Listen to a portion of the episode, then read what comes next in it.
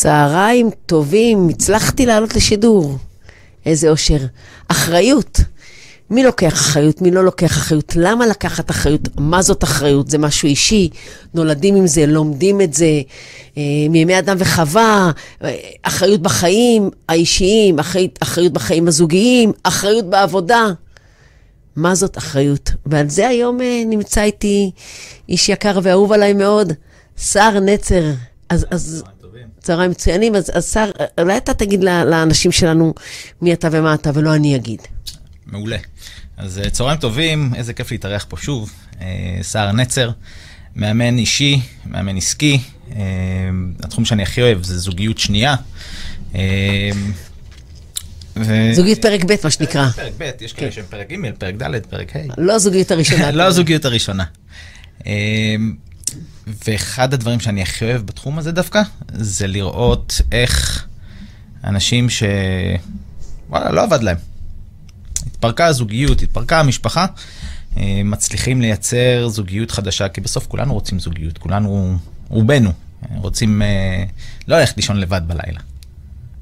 כן, אבל אנחנו לא מדברים על זוגיות, זה, יהיה, זה, זה, כבר דיברנו על זוגיות, היה אז מרתק, הפודקאסט שעשינו לפני, עוד בימי הקורונה, כש, כשנפגשנו עם מסכות אפילו. כן. אבל היום אנחנו באים לדבר על אחריות, זה בטח ייכנס גם העניין של זוגיות, אבל בוא קודם כל אולי תגיד, תגיד לנו מה זאת אחריות. אחריות. אה, שמעתי את זה, אני אפילו לא זוכר איפה שמעתי את זה, אבל המילה אחריות בעברית היא מילה מאוד מאוד יפה. כי כשאני אחראי, קודם כל לעצמי, אז אני יכול לקחת אחריות על האח שלי. וכשאני לוקח אחריות על האח שלי, אני בעצם לוקח אחריות על מישהו אחר. וכשאני לוקח אחריות על מישהו אחר ואני מפגין אחריות, אז באים אחריי, ואומרים בוא נלך אחריו, ובסופו של דבר אחריות זה מאלף ועד תף. כי אין, אין דבר כזה לחיות ב-90% אחריות, 80% אחריות. אחריות זה או שלוקחים או שלא לוקחים. אוקיי, okay, אמרת פה משהו מעניין שזה דיכוטומי, אבל אני רגע אעשה סדר, אתה אומר, תכתבו לכם את המילה אחריות מול העיניים, mm-hmm. ותסתכלו, היא מתחיל, מתחילה באלף ומסתיימת בתו, והיא בעצם מכילה את כל מילים, אח, אחר, אחריי, אחריו ואחריות. משחק מילים מהמם. כן. אז מה זו אחריות? אחריות, אה, כל אחד ייתן לזה אולי פרשנות קצת אחרת, אבל בעיניי בסופו של דבר אחריות זה היכולת הזאת להסתכל על מה אני עושה ואיך אני מגיב לדברים. אמ, להבדיל מלהיות ריאקטיבי לדברים שקורים מבחוץ, אה, ולתת לחיים לזרום ולחיים לנהל אותנו, אה, אחריות זה לקחת את המושכות לידיים, לקחת את ההגה של הספינה לידיים ולנווט את דרך החיים שלי. ולכן זה מתקשר גם לעבודה, גם לזוגיות, גם להורות, אה, לכל תחום בעצם שאנחנו... אז, אז האחריות יכול רק אדם בוגר לקחת? כי אדם צעיר או ילד לא לוקח, אז בוא תעשה לנו סדר. נולדים עם אחריות? מפתחים אחריות? מה זה? כי אנחנו משתמשים בזה המון, אתה לא אחראי, אתה כן אחראי, תיקח אחריות, אתה לא אחראי. אני חושב שבסופו של דבר, אה, אחריות זה משהו שנולדים איתו.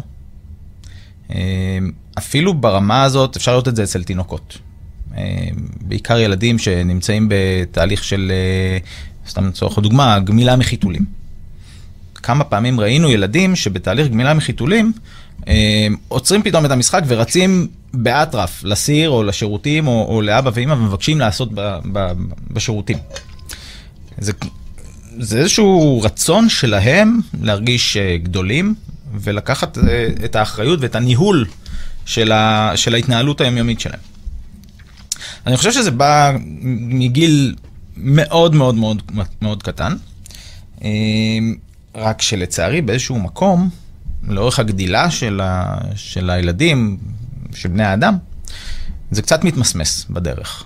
כי? אמ, אם נסתכל היום על הורות הליקופטר, אה, הורים שכל הזמן דואגים לילדים שלהם ונות... ועושים בשביל הילדים שלהם ו... ו...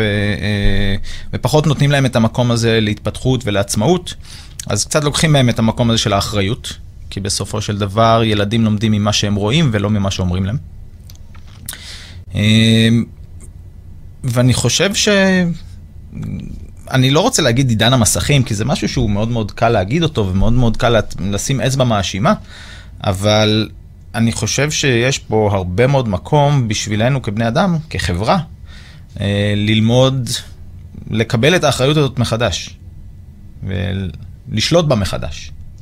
תסביר לי, לא, לא, לא הבנתי עד הסוף. מה הכוונה? אוקיי.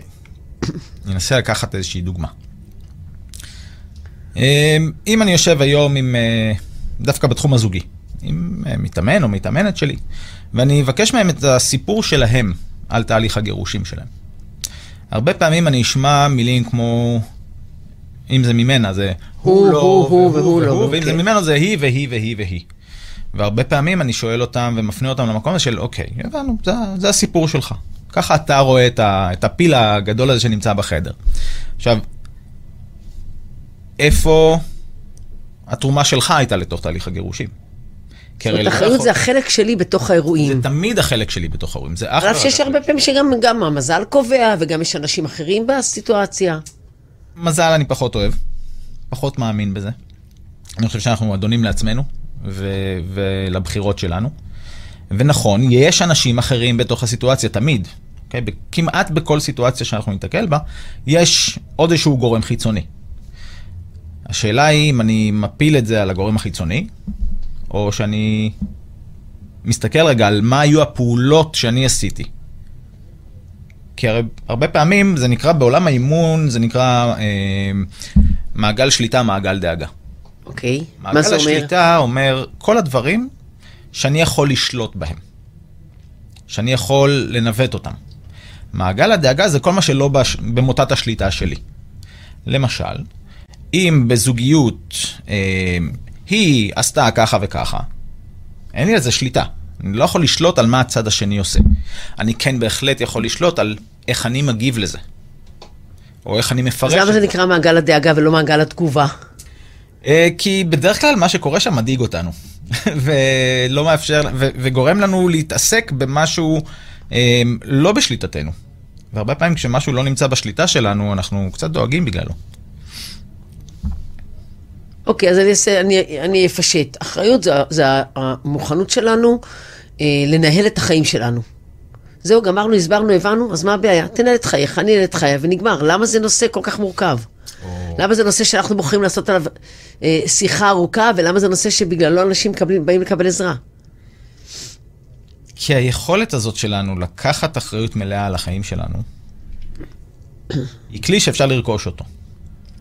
שברגע אבל אמרנו שזה מולד להיות היכולת של אחריות. הוא מולד, אבל עם הזמן הוא הולך ונשחק. אם אנחנו לא משתמשים בו, כמו כל כלי אחר, הוא הולך ומצטמצם, וזה גם בעיניי מאוד תלוי תרבות, ומאוד uh, תלוי סביבה שבה גדלנו. תגיד לנו על זה יותר, מה זה אומר תלוי תרבות? גם אמרת מקודם תלוי חינוך, תרחיב לי קצת גם על תרבות וגם על חינוך. אז החינוך והתרבות הם די שזורים אחד בשני, כי היום כשהכול מאוד מאוד נגיש והכול מאוד מאוד דינמי, אה, ואני רואה הרבה פעמים מורים, וגם אני נופל בזה כהורה, אה, שהילדים עכשיו מבקשים משהו, והולכים ועושים. אה, אנחנו הרבה פעמים עושים בשביל הילדים שלנו במקום לתת להם לעשות בעצמם, ולהגשים את עצמם, ולהשיג בעצמם את הדברים שהם רוצים. ואני חושב שפה אנחנו כהורים נופלים בדברים. ואם יבוא אליי הורה ויגיד, אה, אצלי זה אף פעם לא קורה, אני, אני לא באמת יאמין. כי כולנו נופלים בזה.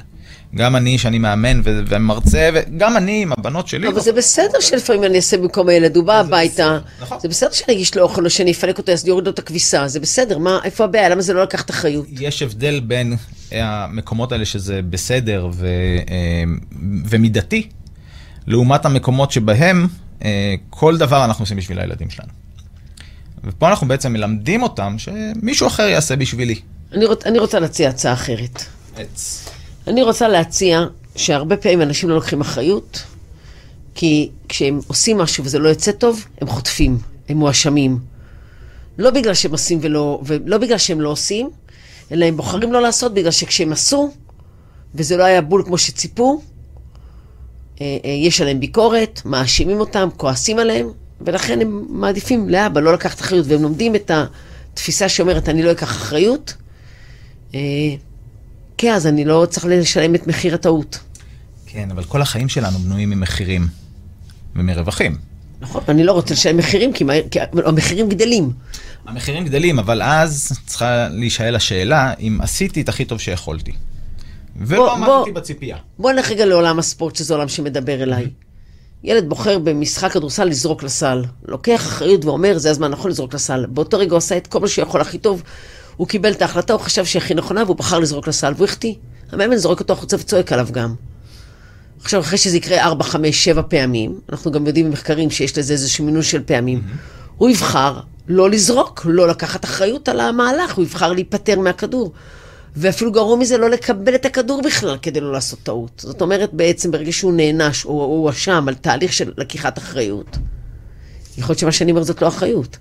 אבל אם אני מבינה נכון את המושג אחריות, שזה לשלוט בדברים, חוטף, לכן הוא לא יעשה את זה לאבא. האחריות היא לא רק בלשלוט בדברים, היא גם לדעת איך להתמודד עם, ה... עם אותו כישלון כביכול.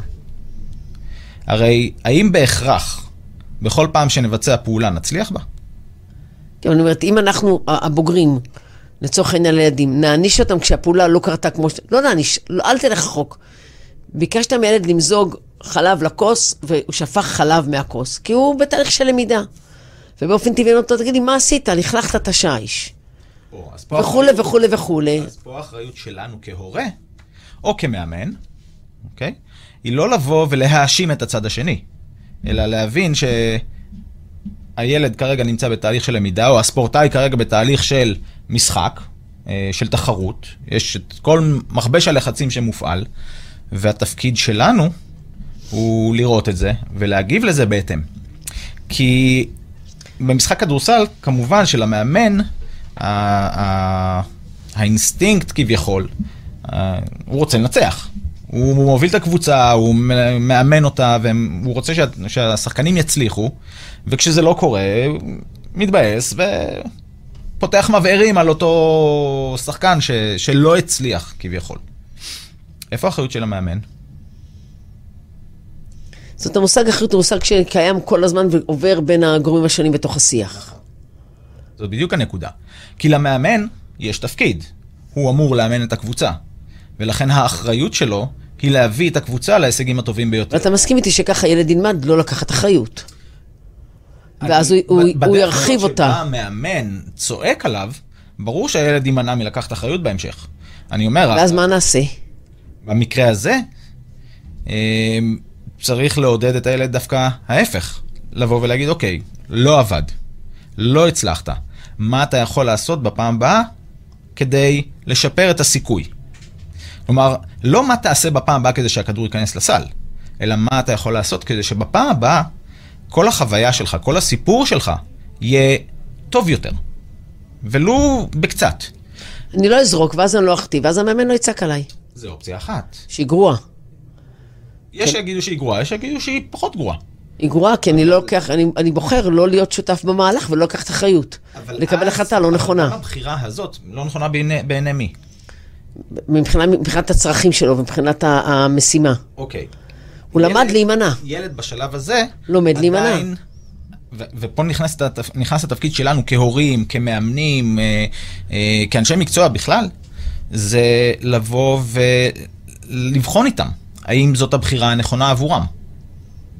זאת אומרת, למידת אחריות תהיה בלעזור לילד, אני רגע ארחיב את זה, להסתכל על תהליכים שעושה ולהרשות לעצמו לבחון את התהליכים שהוא עשה עד הרגע שבו הוא בחר. נכון. זאת אומרת, אחריות היא בעצם היכולת שלי אה, לעמוד מאחורי הבחירות שלי. זאת אחריות. זה לעמוד מאחורי הבחירות שלי, אה, ולדעת בפעם הבאה לבחור בצורה שתעשה בשבילי, ה, תביא לי את התוצאה הטובה ביותר. עכשיו, התוצאה הטובה ביותר, שוב, היא לא חייבת להיות איזשהו שיפור משמעותי. היא יכולה להיות גם איזשהו שינוי ולו הקטן ביותר. כי ברגע שאנחנו אה, גדלים, צומחים ולומדים, ולא משנה כמה, אנחנו נמצאים בתנועה. הבעיה מתחילה בעיניי כשאנחנו קופאים במקום. שזה בעצם לא, לא לרצות לקבל את הכדור, לא זה לקפוא במקום. לא לרצות לקבל את הכדור, okay. או אוקיי. לא לרצות uh, לזרוק, או לא לרצות בכלל לעלות לשחק בחמישייה הפותחת, במקרה של כדורסל. אוקיי? Okay? או לא להיות אפילו ב... ברשימת המחליפים. זאת אומרת, אם אני מבינה נכון, אתה אומר, אנחנו נולדים עם היכולת לצבור אחריות, רק בתהליך ההתפתחות, אנחנו יכולים לפגוש שני כיוונים, או מצב של הורים שלא נותנים לילד בכלל להתנסות, או מצב שכשמישהו מתנסה, מגיבים עליו באיזושהי ביקורת, וזה בעצם יגרום לילד להימנע מהמקום שבו לקחת אחריות מלאה על ההתנהגות שלו, גם בעתיד כאדם יותר בוגר. נכון. ואחד מהדברים שאנחנו צריכים ללמוד לעשות אה, כהורים, זה לדעת וללמוד להראות לילדים שלנו מה האלטרנטיבות. אה, ולאתגר אותם. זה באיזשהו מקום גם לקחת אחריות על, ה, על ההורות שלנו. כי אנחנו יכולים לזרום עם הילד, ולהגיד, אוקיי, זה מה שהוא בחר, זה מה שהוא בחר, אני בסדר, אני תומך בבחירות שלו. האם בהכרח זה, זה נכון? מדי פעם זה נכון, מדי אבל פעם לא... זה נכון. אבל לבוא למקום הזה, לאמירה הזאת, מתוך בחינה ולא מתוך ויתור. כלומר, לא להגיד, אוקיי, אני, אני מוותר עליו, הוא כבר יודע מה הוא רוצה, אה, ו, וניתן לו, מה שנקרא, לבחור לאורך כל הדרך. אה, ו, ובמקום לעשות את זה בצורה הזאת, לבוא ולבחון את הסיטואציה. להגיד, אוקיי, האם בהכרח הבחירה שלו היא הטובה ביותר? יכול להיות שבעיניו כן, אבל יכול להיות שאני כהורה, התפקיד שלי הוא לבוא ולהציג בפניו אלטרנטיבות נוספות. בסוף הבחירה תהיה שלו. אבל לא לוותר להם, לא לוותר עליהם. לא לוותר גם עלינו ועל ההורות שלנו. וזה בעיניי המהות של אה, לנהוג באחריות. תגיד, יש, יש אחריות בין אה, גברים ונשים נוהגים אחרת באחריות? יש הבדל בין המינים? יש הבדל... זו שאלה מעניינת, כי אה, אני חושב שזה לא תלוי בהבדל בין המינים, כמו אה, באופי של, של הבן אדם הספציפי.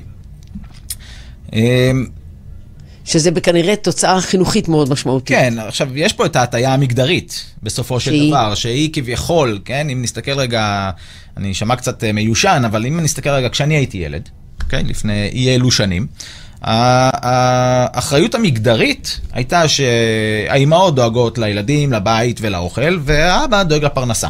אוקיי. כן, אני חושב שהיום ה- אה, הקווים המגדריים האלה, או הגבולות המגדריים, מטשטשים, אה, בעיניי האישית לטובה. אה, ויש היום לא מעט נשים שדואגות לקריירה ולא מעט גברים שדואגים לבית, וטוב שכך.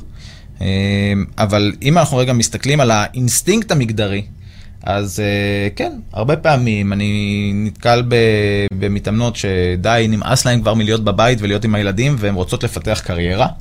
ומצד שני אני גם נתקל בגברים שדי, כל העול הזה של פרנסת הבית די אה, מתיש אותם. הם רוצים אני- זמן בבית, רוצים להיות עם הילדים. אבל אני אומרת, גברים יהיו אנשים שיותר לוקחים אחריות על החיים שלהם, על דברים, או נשים, או שזה רק תלוי, אה, תלוי פרסונה, תלוי חינוך? Um, אני חושב שדווקא מהמקום הזה, שוב, בגלל המגדר, um, והמקום הזה של uh, uh, נשים שכביכול אחראיות על גידול הילדים, um, קראתי איזשהו מחקר למשל על, על uh, אחוז מתאבדים בעקבות גירושים. יש הרבה יותר גברים שמתאבדים בעקבות גירושים מאשר נשים. ו... מפתיע. כן, וחלק מהמחקרים, מהשאלונים בזמנו ש... שקראתי, בא- באותו מחקר, אחת הטענות של אנשים דווקא, הייתה זה שאין להם את הפריבילגיה, מכיוון שהן צריכות לדאוג לילדים. לוקחות אחריות. זאת אומרת, אחריות זו מילה גורפת שמכניסה מתוך, בתחתיה אשמה ודאגה וקבלת החלטות ובחירה. אה, כן. ואנחנו מתנהלים עם, ה... עם כל העולם הזה, תחת הכותרת אחריות. אנחנו צריכים לדעת להבחין בין הדברים השונים. כי... ת, תגיד לי יותר.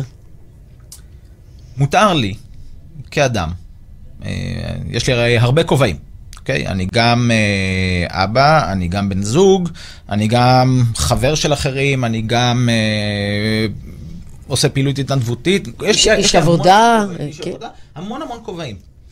ובכל כובע אה, יש אחריות אחרת, אוקיי?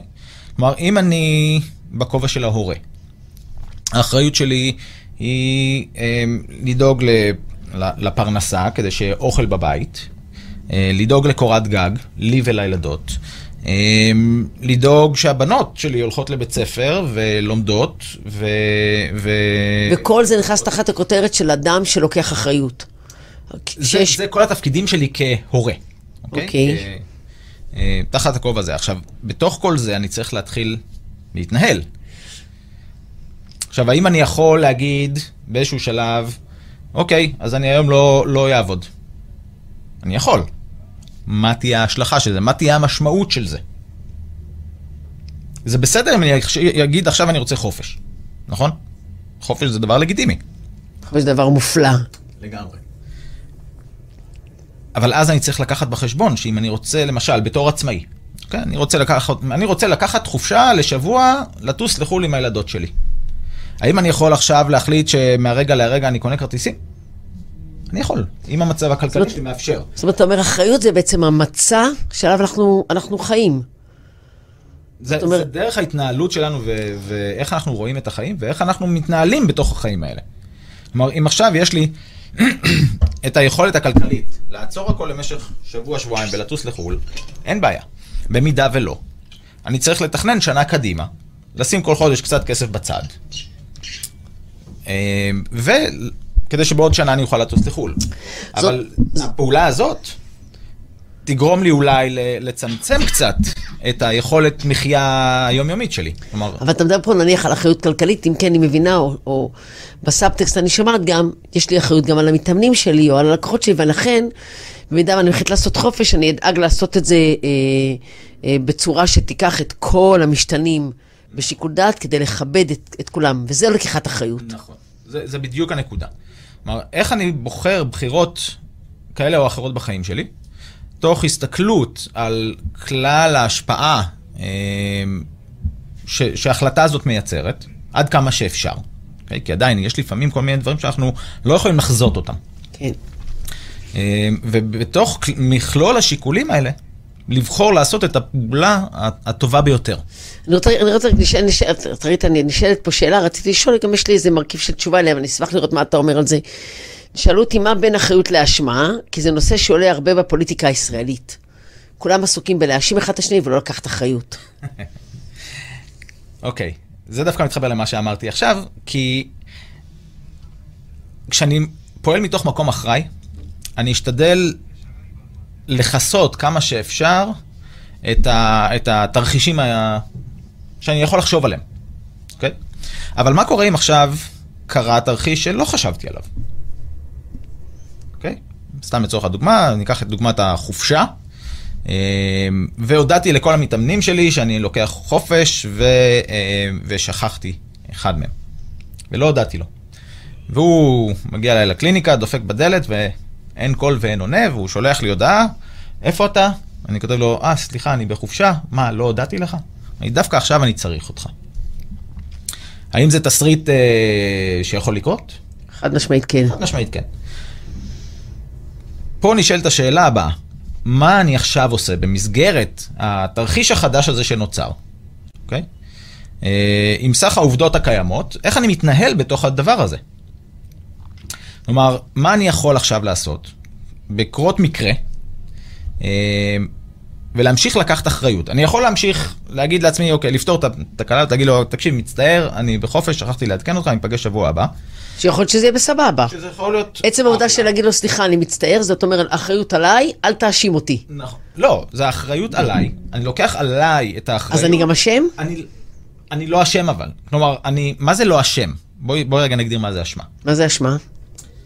אשמה אה, יכולה להיות שאת מאשימה אותי, משהו חיצוני, ויכול להיות משהו שאני סוחב איתי. כן, אבל מה זאת אשמה בכלל? רגש שלילי? אשמה זה איזשהו רגש שלילי שהרבה פעמים מדיר שינה מעינינו. אה,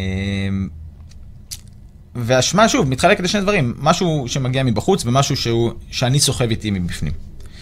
אה, עכשיו, יכול להיות שהוא יאשים אותי שלא הודעתי לו, ואני אתנצל ואני אקח על זה אחריות. הסרתי כביכול, פתרתי את האשמה מהצד החיצוני. האם אני אוכל ללכת לישון עם זה בלילה? במקרה כזה כנראה שכן. אוקיי? אמ, אבל בואו רגע ניקח אשמה על דברים קצת יותר, אה, אה, אני לא רוצה לגמד את הסיטואציה, כן? אבל אה, אשמה למשל, מקרה שעלה אצלי בקליניקה.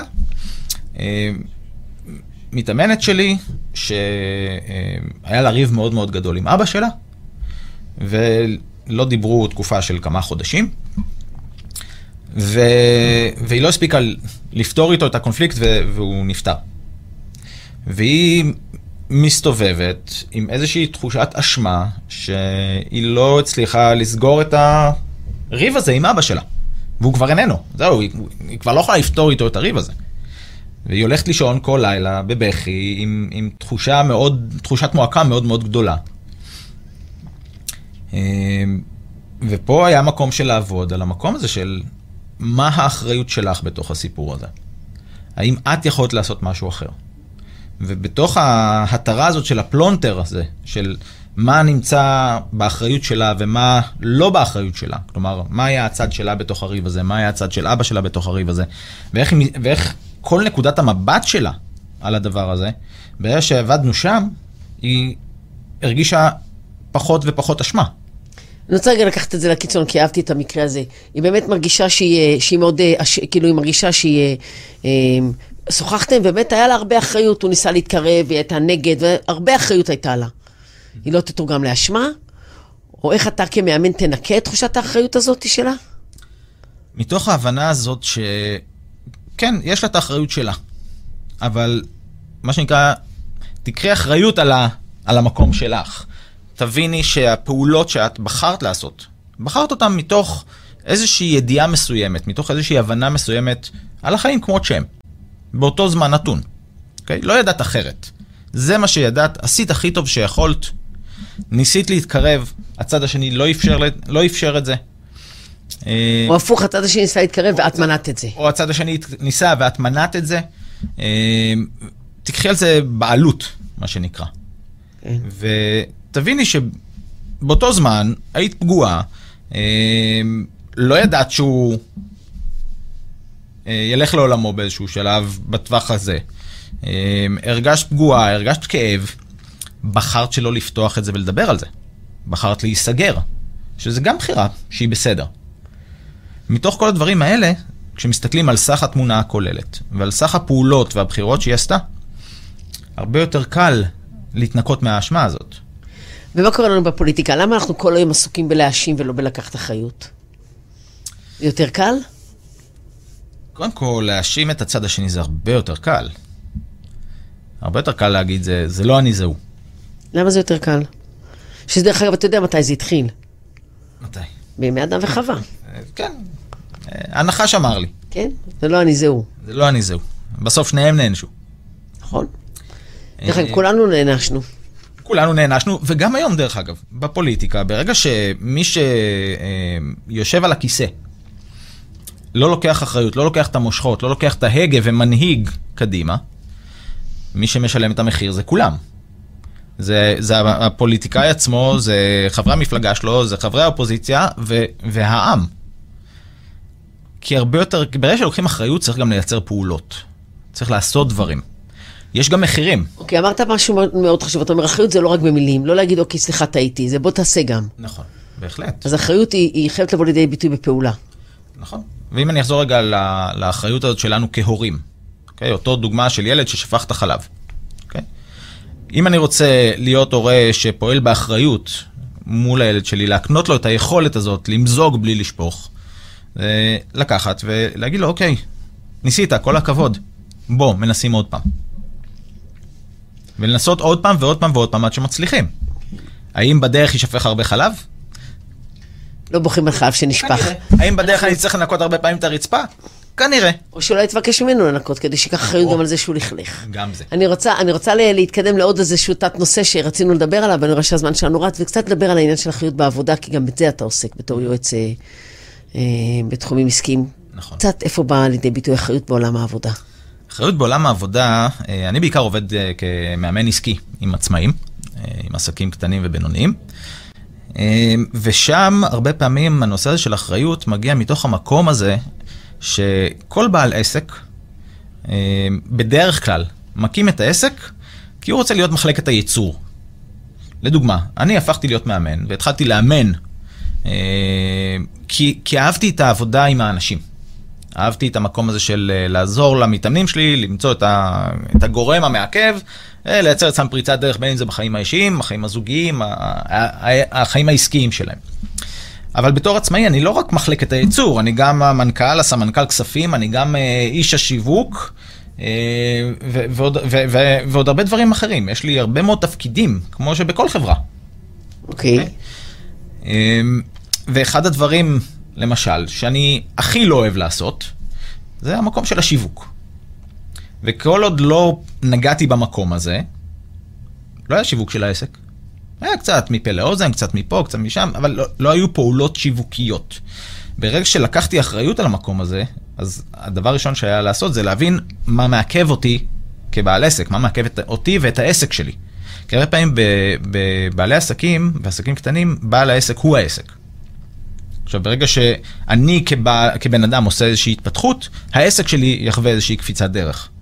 וכשאני הצלחתי להבין עם עצמי אה, מה, מה אני לא אוהב בשיווק, למה אני לא אוהב, קודם כל להודות בזה שזה החלק שאני הכי פחות אוהב בעסק, להבין למה זה, ואז לקחת על זה אחריות. עכשיו, אחריות יכולה להיות או בללכת לעשות קורסים של שיווק. או בלהצטרף אלינו. או בלהצטרף לסמבדי. לסמבדי, ולהבין שיש מישהו אחר שיעשה לך את החלק הזה שאתה לא אוהב. נכון. זה כן, זה, זה כביכול עולה, זה, זה, הרבה פעמים בעלי עסקים אומרים לי, כן, אבל אין לי הכנסה, אז איך אני עכשיו יוציא כסף על שיווק? אתה לא תצליח להכניס הכנסה אם לא תשווק. בדיוק. אז אתה אומר, לקיח, זאת לקיחת אחריות. לקיחת אחריות זה זיהוי הדברים שמעכבים אותך, והמוכנות שלך לפעול בהם. ולהבין, בראייה הכוללת, איך זה משפיע. כלומר, מבחינת בעל עסק, שיווק זה לא הוצאה, שיווק זה השקעה. ההבנה הזאת, שכדי לשווק את העסק צריך להשקיע כסף בעסק, זו הבנה שהיא מאוד מאוד חשובה, והרבה מאוד בעלי עסקים קשה להם עם, ה, עם השינוי הזה. ואיפה נכנס פה העניין של האחריות? כי ברגע שאני מבין שאם עכשיו אני אשקיע כסף בעסק על מנת להגדיל אותו, זה אומר שאני צריך להוריד ממקומות אחרים. בין אם זה בחיים האישיים שלי, בין אם זה במקומות אחרים בעסק. פחות לקנות אה, ריהוט חדש, פחות לקנות תמונות לעסק, אה, פחות, אולי אפילו פחות הוצאות כיבוד, אוקיי? שכביכול למראית עין, זה, זה נראה אה, מחיר מאוד כבד לשלם אותו. אבל בסופו של דבר, צריך לעשות את ההשקעה הזאת. עכשיו, פה האחריות מגיעה. שאוקיי, אז יש לי עכשיו פחות תקציב כיבוד. איך אני עדיין יכול לתת משהו שבאירוע, או באירוח, בקליניקה, לא ייראה אה, עלוב מצד אחד, אבל יהיה פחות יקר. אוקיי? אה, האחריות פה היא, היא גם לזהות את הבעיה.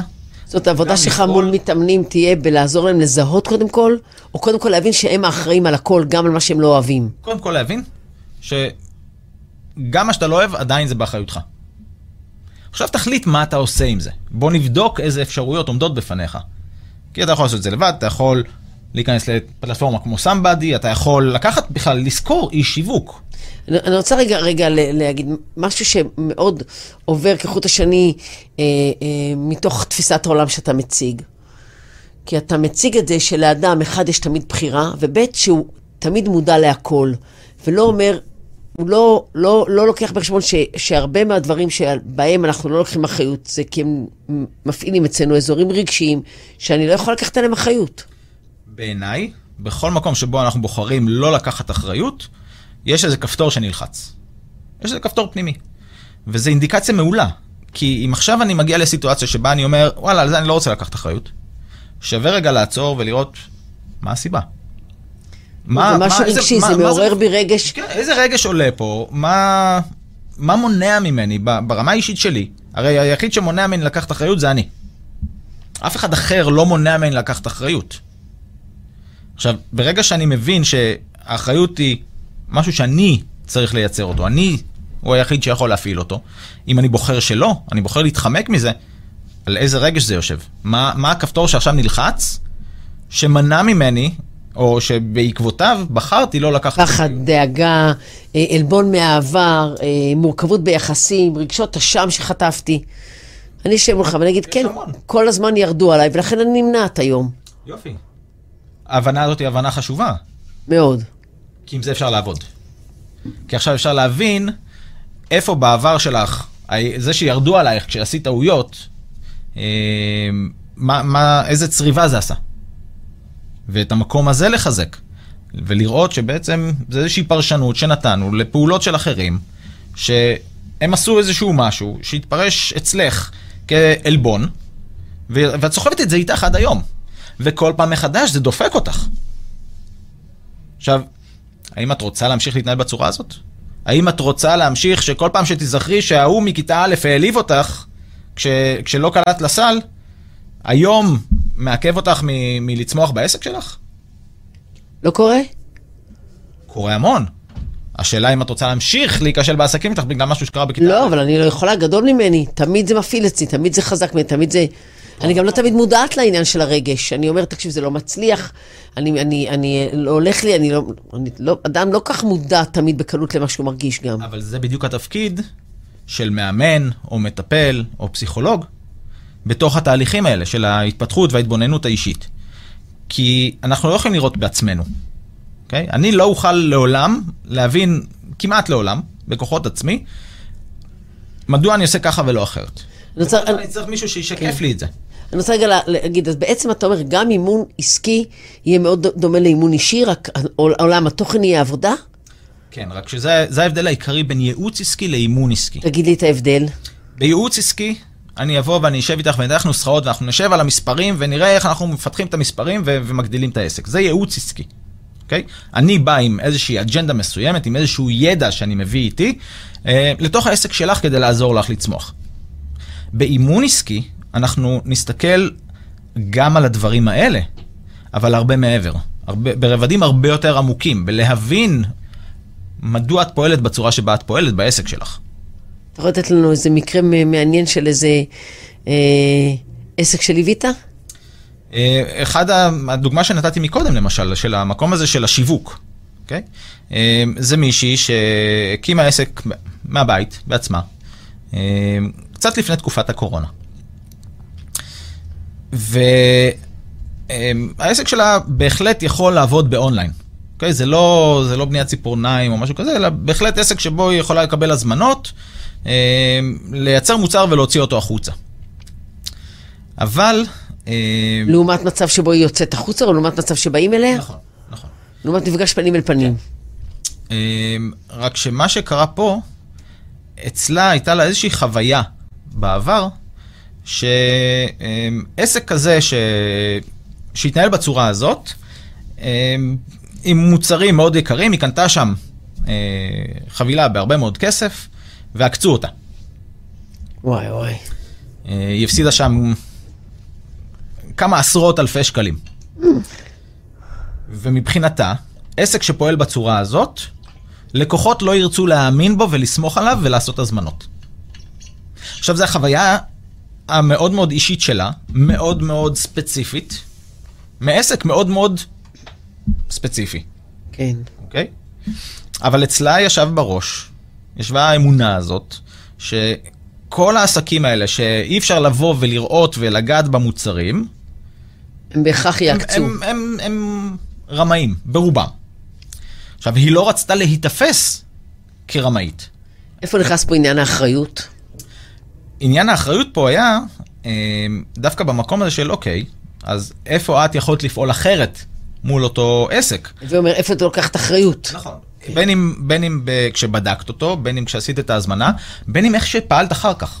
כי היא לא תבעה אותם, היא לא ניסתה להשיג את הכסף חזרה, היא, היא פשוט הרגישה כל כך פגועה, כל כך מרומה, שהיא אה, אמרה, זה השיעור שלי, זה, זה השכר לימוד שלי, ואני יותר לא מתעסקת עם זה.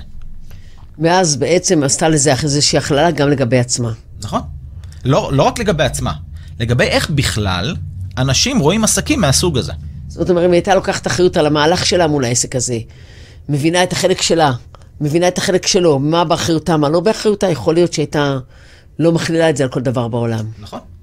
וברגע שעבדנו על המקום הזה, והיא הבינה שזה ה, אה, הנקודת מבט הסובייקטיבית שלה, ולהבין שהיא, נכון, מצד אחד היא כביכול הקורבן בתוך הסיטואציה הזאת, כי היא זאת שנעקצה. אבל היה לה פה הרבה מאוד נקודות בתוך התהליך הזה, שהיא יכלה לפעול אחרת. והיא בחרה שלא לפעול אחרת מכל מיני סיבות. אה, אבל ברגע שהיא הבינה את התמונה הכוללת הזאת, היא הבינה ש... החוויה האישית שלה היא לא בהכרח החוויה של שאר האנשים ושאר, ושאר הלקוחות הפוטנציאליים שלה. וזה עזר לה בין, לעשות את ההפרדה הזאת בין החוויה האישית שלה לבין התנהלות עסקית. ו, ואחד הדברים היפים שהיו פה, זה שהיא בחרה שהעסק שלה יהיה שקוף לחלוטין. כלומר, היא מבחינתה, באתר שהיא הקימה, היא שמה כחלק מה, מהדף הראשי את ערכי העסק. ממש רשימה של עשרה ערכים מובילים מבחינתה בעסק, שהם מבחינתה, זה האחריות שלה כבעלת עסק. ו- והיא לא מפרה אף אחד מהם, כי זה ה- ה- אה, האבני בניין מבחינתה. זה הקוד, ועליהם היא לוקחת זה אחריות. ה- זה הערכים הבסיסיים, ויש לה היום עסק מצליח, ו- ו- וזה מדהים לראות את זה. אז, אז תגיד לי רגע, לפני שאנחנו צריכים להיפרד, איך יראה העולם הזה כשכולנו ניקח אחריות? מה, מה יהיה באמת אחר? אני חושב שקודם כל, אה, יהיה לנו הרבה יותר כיף להתנהל בו. כי, כי כשאת אומרת לי משהו אחד, ואני יודע שתעמדי מאחוריו, הרבה יותר קל לי, הרבה יותר כיף לי. נכון? הרבה פעמים אנחנו, אה, אם נקרא לזה שוב לעולם הזה של הקניות, עסקים וכולי, כשקיבלתי שירות טוב מעסק, אה, או כשבעל עסק הבטיח לי משהו, והוא עמד בו, אני אחזור אליו, אני אמליץ עליו לאחרים, אני אקבל ממנו חוויה טובה. איפה האחריות כאן? האחריות של בעל העסק או האחריות שלי? בכלל. האחריות שלי זה שאני יודע לשאול את השאלות הנכונות, זה שאני יודע אה, לזהות מי נמצא מולי, והאחריות של, של בעל העסק שאני, שמולו אני עושה את, ה, את העסקים, אה, זה לעמוד במילה שלו, זה לעמוד בתנאים שלו. זה... אז קודם כל אתה אומר, אם כולנו ניקח אחריות, יהיה לנו עולם שיהיה בו יותר נוח ונעים לחיות. כן. אה, דבר שני, אני חושב שזה יהיה עולם עם הרבה פחות תסכולים.